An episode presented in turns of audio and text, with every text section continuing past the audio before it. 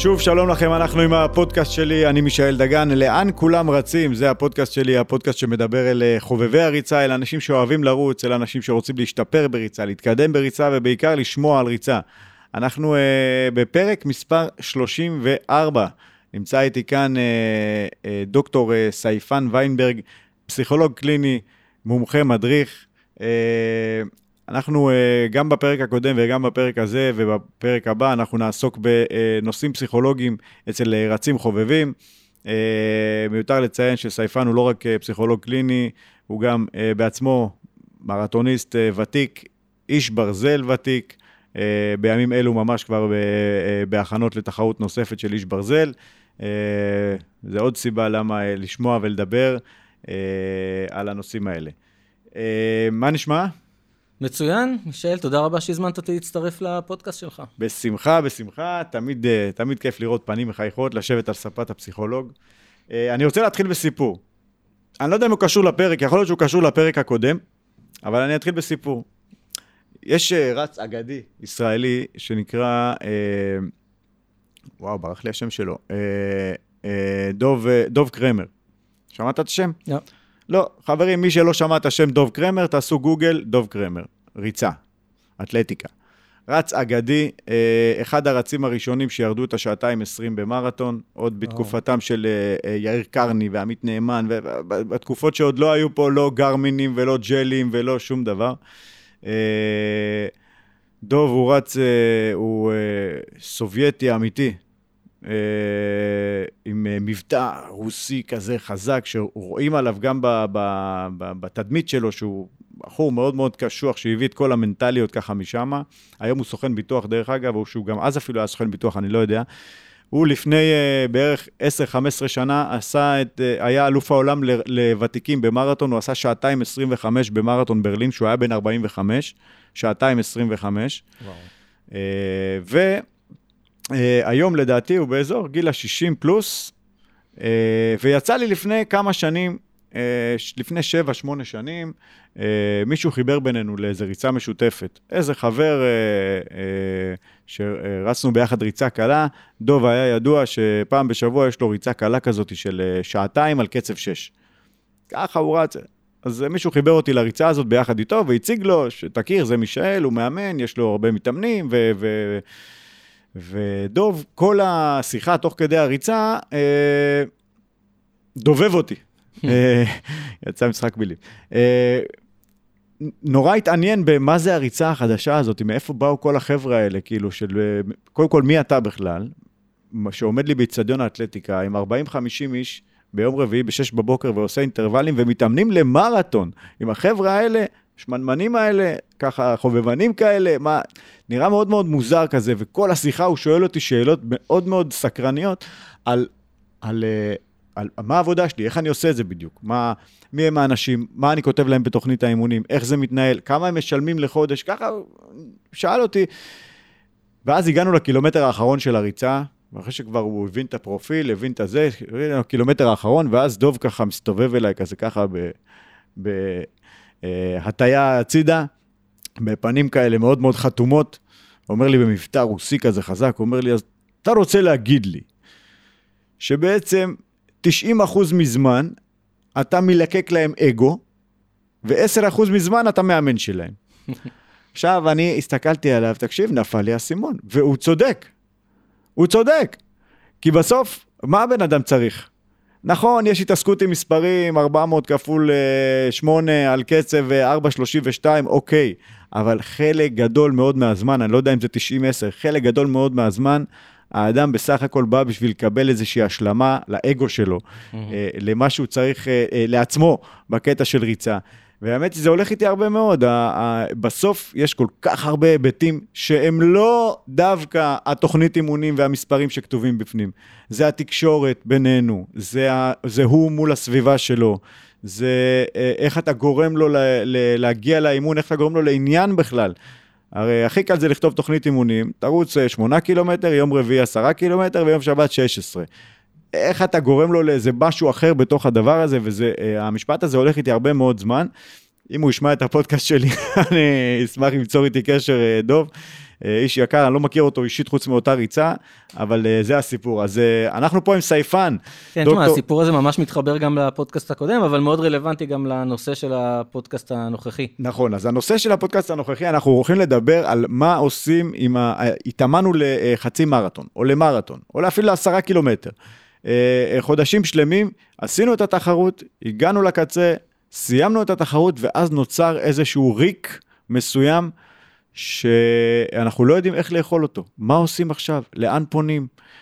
מה, עושים עוד אחד? למה עוד אחד?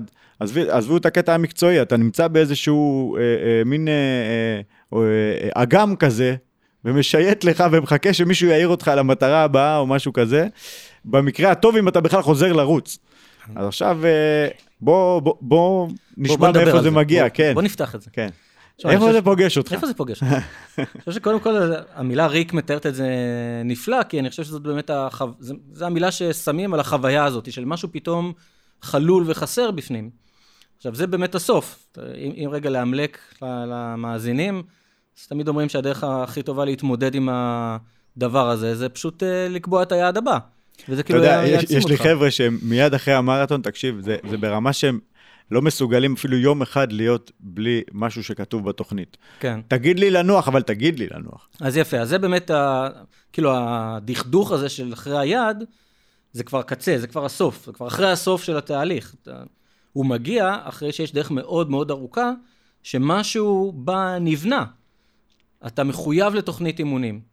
אתה מחויב לאיזושהי מסגרת מסוימת של אני קם בבוקר, אני יודע מה אני עושה. היום אני אמור לעשות את הריצה הזאת, אוקיי? אני מתאמן בטריאטלון, מחר אני יודע שאני שוחה, יש לי את התוכנית שלי, זה מארגן לי את החיים. החיים שלי מקבלים מסגרת, מקבלים אה, משהו מובנה, זה אולי מתוך הדברים הבודדים כמעט, שבאמת מובנים לי בזה, ואני יודע בדיוק מה אני הולך לעשות, ואיפה זה הולך לקרות, ומה יהיה לי שם. אני מקבל מזה בסיס, אני מקבל מזה איזושהי ודאות. מעבר לזה, זה נותן לי המון משמעות.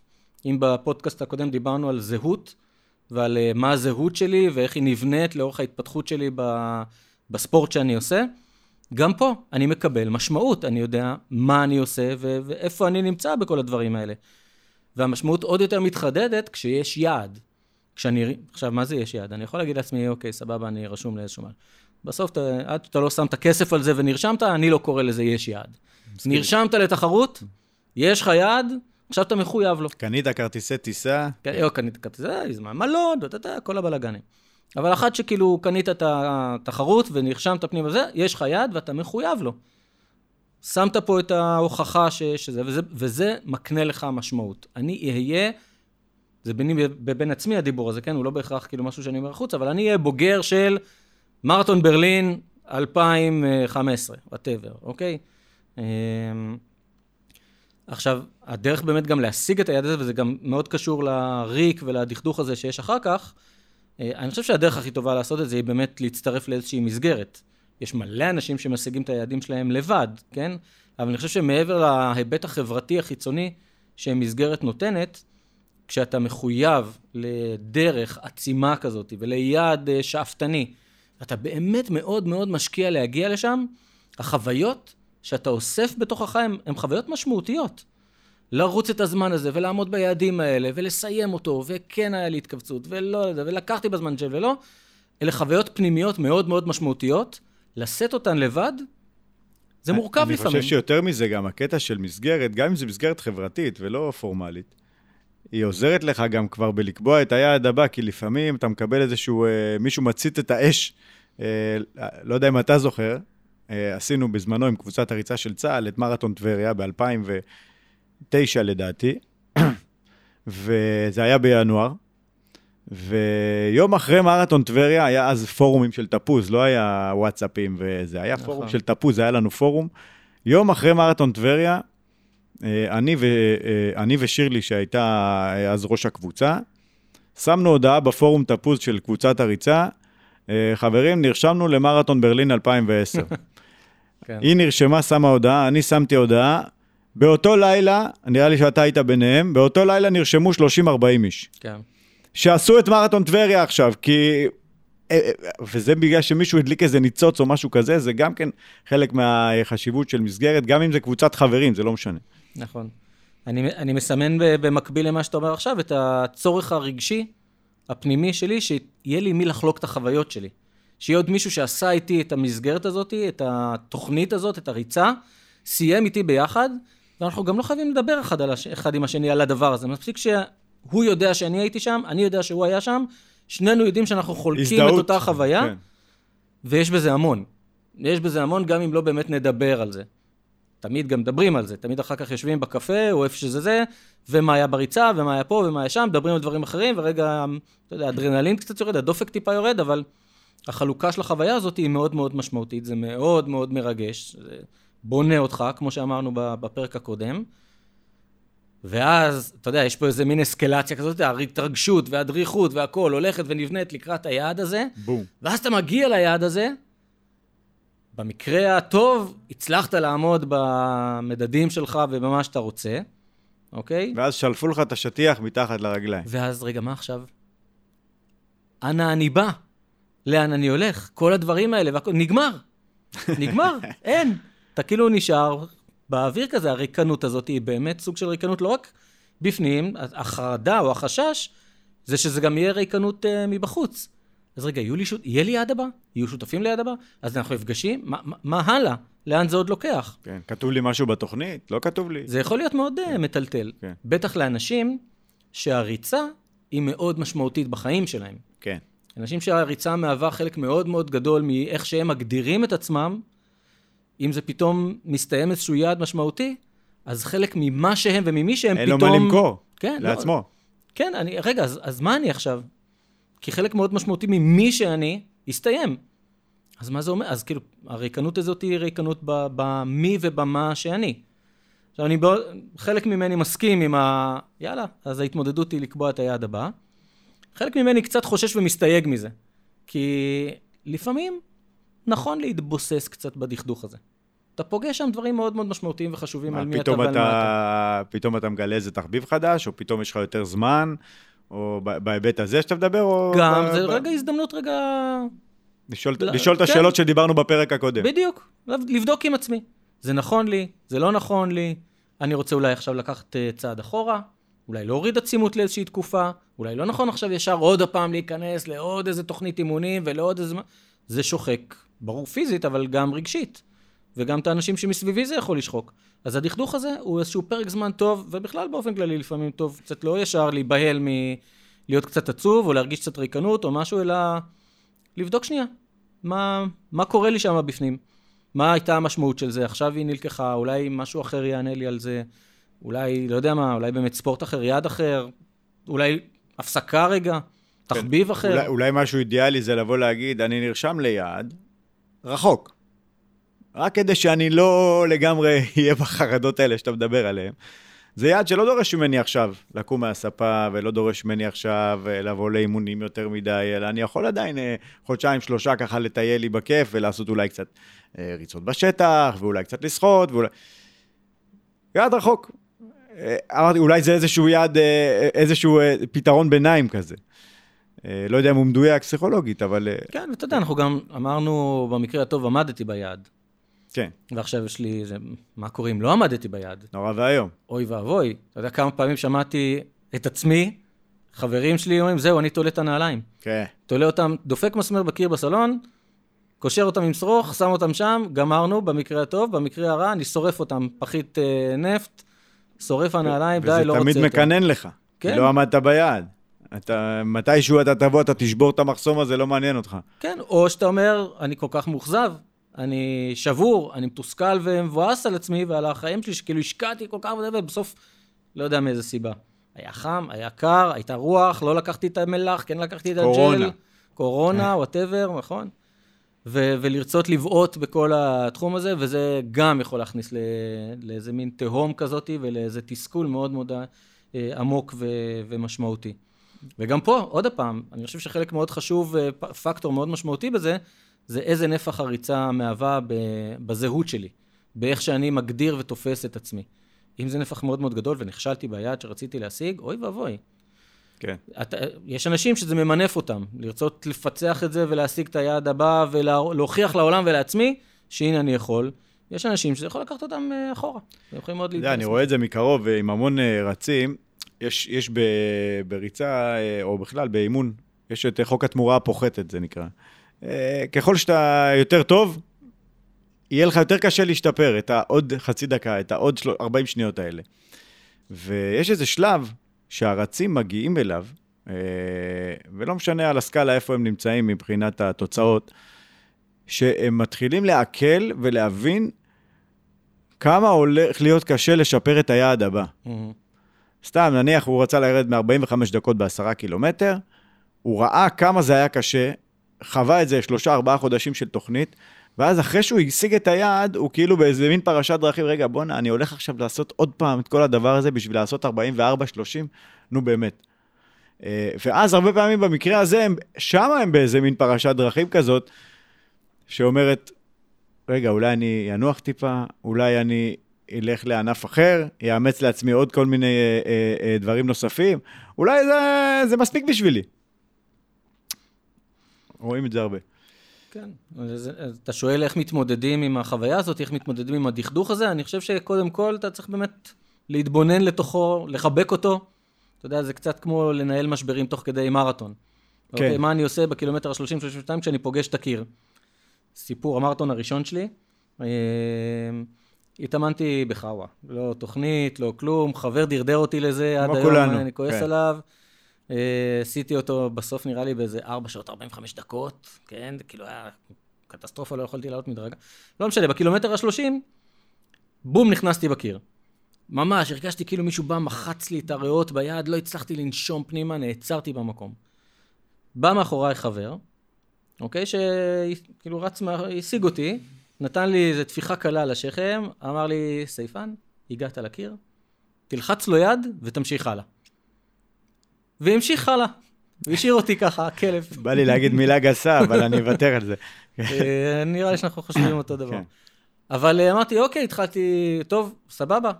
נשענתי קדימה, אתה יודע, מעדתי קדימה את, ה, את ה, כמה מטרים הראשונים האלה, לא באמת יכולתי זה. לאט לאט זה נפתח. עכשיו, כנראה הייתי צריך את הזמן, לא לקחתי מלחים, לא יודע, בדוכן הבא לקחתי את השטוחים עם המלח. התאוששתי, הצלחתי לסיים את האירוע הזה, אבל זה משבר, שאם באמת אתה לא מדחיק אותו, או מכחיש אותו, ומנפנף אותו הצידה, אלא מתנהל איתו. מנהל איתו דיאלוג ואומר, אוקיי, מה קורה פה, מה קורה לי, איך אני, מי אני ומה אני בתוך הדבר הזה, אתה צומח מתוכו. אז הדכדוך הזה, לא צריך להיבהל ממנו, אגב, לדעתי. אם, אם אתה יודע גם שהוא עומד לבוא, זאת אומרת שיש סיטואציה שהוא יבוא, אז אתה כבר מוכן, אתה אומר, אוקיי, אני יוצא למלחמה, אני יודע שיאגפו אותי מפה ומשם ומשם, ואני...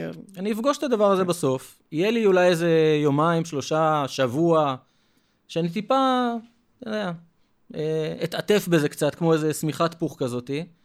אני אבין מה קורה לי שם, ואז אני אחליט איך אני ממשיך הלאה. לפעמים אנשים מהר מדי קובעים את היעד הבא, ודוחקים הצידה את הדכדוך הזה או את החוויית ריק הזאתי, לא מנהלים את הדיאלוג הזה, כי הוא לא נעים והוא כואב והוא מבאס והכל וזה וזה, ומחמיצים בעיניי הזדמנות לצמוח ולהבין את עצמם יותר טוב. אני אנצל את המעמד כבר, ואני אני אשאל אותך בתור מאמן. מה... אוקיי, אנשים עכשיו מתאמנים בטירוף לקראת איזה מרתון. באיזה שלב, אם בכלל, אני מתחיל לדבר איתם על מה קורה הלאה? כמאמן, שא', יש לי אינטרס שהם ימשיכו להתאמן. אה, מצד שני, אני, אני, אני רוצה שימשיכו להתאמן, אבל שלא ייכנסו לזה עוד יותר עמוק, ו, ובסוף גם יאבדו את עצמם ו, ויפסיקו בעוד חצי שנה. ומתי זה נכון בכלל ל- לחשוב על זה? או כמאמן, או סתם כבן אדם שהולך לתחרות. בעיניי זה, זה משהו שהוא על השולחן כל הזמן. אני לא חושב שיש עיתוי מסוים שממנו צריך אה, לבוא ולהגיד, תקשיב, בסוף התחרות יכול להיות שאתה תפגוש איזשהו מין חוויה של אה, דאון, של ירידה, של אה, לא יודע מה. אני חושב שלאורך כל הדרך זה משהו שהוא נוכח, ואפשר אה, לציין אותו ואפשר לשיים אותו. אנחנו מתחילים את התוכנית, אנחנו מגדירים את הנושא, אנחנו מגדירים את היעד, תכירו שהגאנט של אה, איך שהדברים האלה קורים, הוא התחלה, אמצע, סוף, ואקום קל, ותחליט מה קורה הלאה. ההתחלה הבאה וכולי. עכשיו, ברגע שאתה יודע שהנפילונת הזאת, או הדכדוך הזה, או הריק הזה, הוא חלק, הוא מתוכנן. כן, הוא חלק מכל הרצף, כן. בעיניי זה כבר 50 אחוז אה, מדכדך, כאילו מעמעם אותו ומצמצם אותו, ובעיניי גם נותן לו את המקום של כבוד שראוי לו. אוקיי, אז אם ננסה אה, לסכם כאן את הדברים, התאמנו לאיזושהי תחרות יעד, כל אחד ברמה שלו, עשרה, חצי מרתון, מרתון, אם זה לתוצאה, או אם זה מרתון ראשון, סתם כדי, לא סתם, חלילה, כדי לסיים mm-hmm. אה, על הרגליים ולהצליח לרוץ מ-X ל-Y. קמים, המרתון ביום שישי, קמים ביום ראשון. מה עושים? אני, שואל, אני, שואל, אני שואל אותך את השאלות ששואלים אותי. המרתון היה ביום לא. שישי, אני קם ביום ראשון, מה אני עושה? המרתון היה ביום שישי, סיימנו, השגנו את היעד שלנו, אנחנו שלווים, הכל טוב ויפה. עכשיו... אני הייתי מאחל לכל אחד להיות מסוגל, אתה יודע, בתוכנית המאמן שלי, כשהייתי מתאמן בקבוצת הריצה, היה רושם לי 2-3 קילומטר קל כדי אה, לפזר את החומצות חלב מהזה. אבל אני הייתי מאחל לכל אחד שתהיה לו את ה... את הבעיה הזאת. כן, וגם שתהיה לו את הפריבילגיה, את המרחב, להיות מסוגל לקחת שבוע חופש. להגיד, בדיפולט, אני עכשיו לוקח שבוע לריקאברי של הנפש. אתה יודע, שלי יש נוהל אחרי מרתון, אה, קוראים, אני קורא לזה שבוע מותר לי. Hmm. זה שבוע שבו אני עושה הכל. הכל. אני שותה אלכוהול, אני אה, אה, יושב עם חבר'ה עד אמצע הלילה, אני לא מתאמן, לא מכניס את הרגל לנעל ריצה, אם זה היה מרתון חזק שהתאמנתי אליו או משהו כזה, מה שלא קרה המון שנים, אבל בזמנו, לא מכניס את הרגל שלי לנעל ריצה, אפילו לא, לא מוצא, לא הולך לשחות, לא הולך, לא, לא, לא פילאטי, לא. שבוע אני בניתוק, ואני אעזוב את הקטע הפיזי. בקטע הנפשי זה, אה, קודם כל אני מחכה לשבוע הזה, כן. ודבר שני, הוא באמת אה, טוען אותי להמשך, הלו, אני בן אדם, מותר לי. שמע, זה לוקח אותי להרבה מאוד מקומות נוספים שהם קצת סוטים מהנושא הספציפי הזה, אבל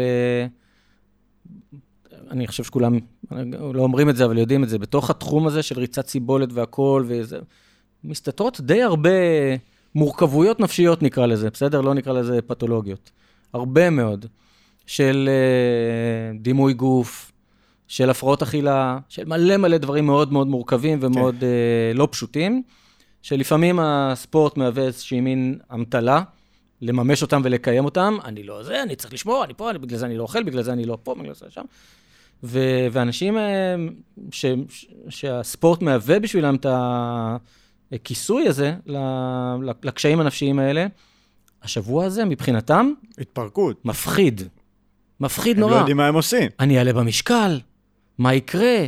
אני אאבד את הכושר, אני מלא מלא דברים. עכשיו, בוא, שבוע אחד אחרי כזאת תוכנית אימונים, לא עושה כלום. וגם אם מישהו, מישהי יעלו במשקל קילו, שניים כן. בשבוע הזה, לפעמים הגוף צריך את זה, ובעיקר הנפש צריכה את זה. אז אה, גם ככה, אנחנו יוצרים פה איזה מין, אה, אתה יודע, חוט מקשר בין כל הפרקים, אה, שלושת כן. הפרקים שלנו. אבל אם פעם קודמת שאלת אותי לגבי אינדיקציות, לאיך אני יכול לדעת אם אני בקצה הפחות בריא של הזה, החרדות האלה למשל, הן יכולות להיות אינדיקציה טובה. כי לא יקרה כלום בשבוע הזה. כן. השבוע מותר לי איזה המצאה נהדרת, בטח אם המאמן מכתיב אותה. זה, כן. ואם פתאום השבוע הזה נורא נורא מפחיד אותי, כי אני פתאום נשמטה לי הקרקע, אני מפחד uh, להשמין, אני ממשיך להקפיד על האכילה הסלקטיבית מאוד שלי וזה, זה יכולה להיות אינדיקציה טובה שמשהו שם אז אם אנחנו. באמת מסכמים את הפרק הזה, אז אז אנחנו uh, uh, מגיעים ל, ל, לפרק הזמן שאחרי התחרות מטרה שלנו, uh, ובעצם uh, צריכים להבין כמה דברים. קודם כל, להבין שהשבוע הזה עומד להגיע. Mm-hmm. הפרק הזמן הזה, הוא, כמו שאמרת, הוואקום הזה, הוא יהיה קיים. צריך לדעת את זה לפני, להיערך לזה, וכשהוא מגיע, הוואקום הזה אחרי התחרות, להגיד, אה, הנה, אנחנו שם. זה בדיוק מה שהיה בתוכנית.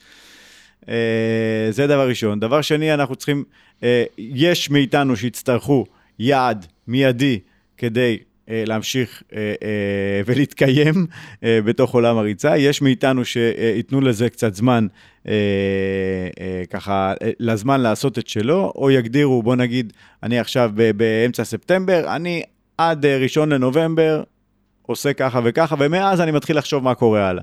נותן לה, גם לנפש איזשהו חופש mm-hmm. אה, מסוים מכל התקופה האינטנסיבית הזאת. אה, אחלה. עובר ענף, דייג. עובר, עובר לדייג, כן. כן, כן. יופי, אה, אנחנו מסיימים את אה, פרק אה, מספר אה, 34, אה, יחד עם דוקטור סייפן ויידברג, פסיכולוג קליני, מומחה, מדריך, תודה רבה לך על הפרק מישל. הזה, תודה. ואנחנו נשתמע בפרקים הבאים.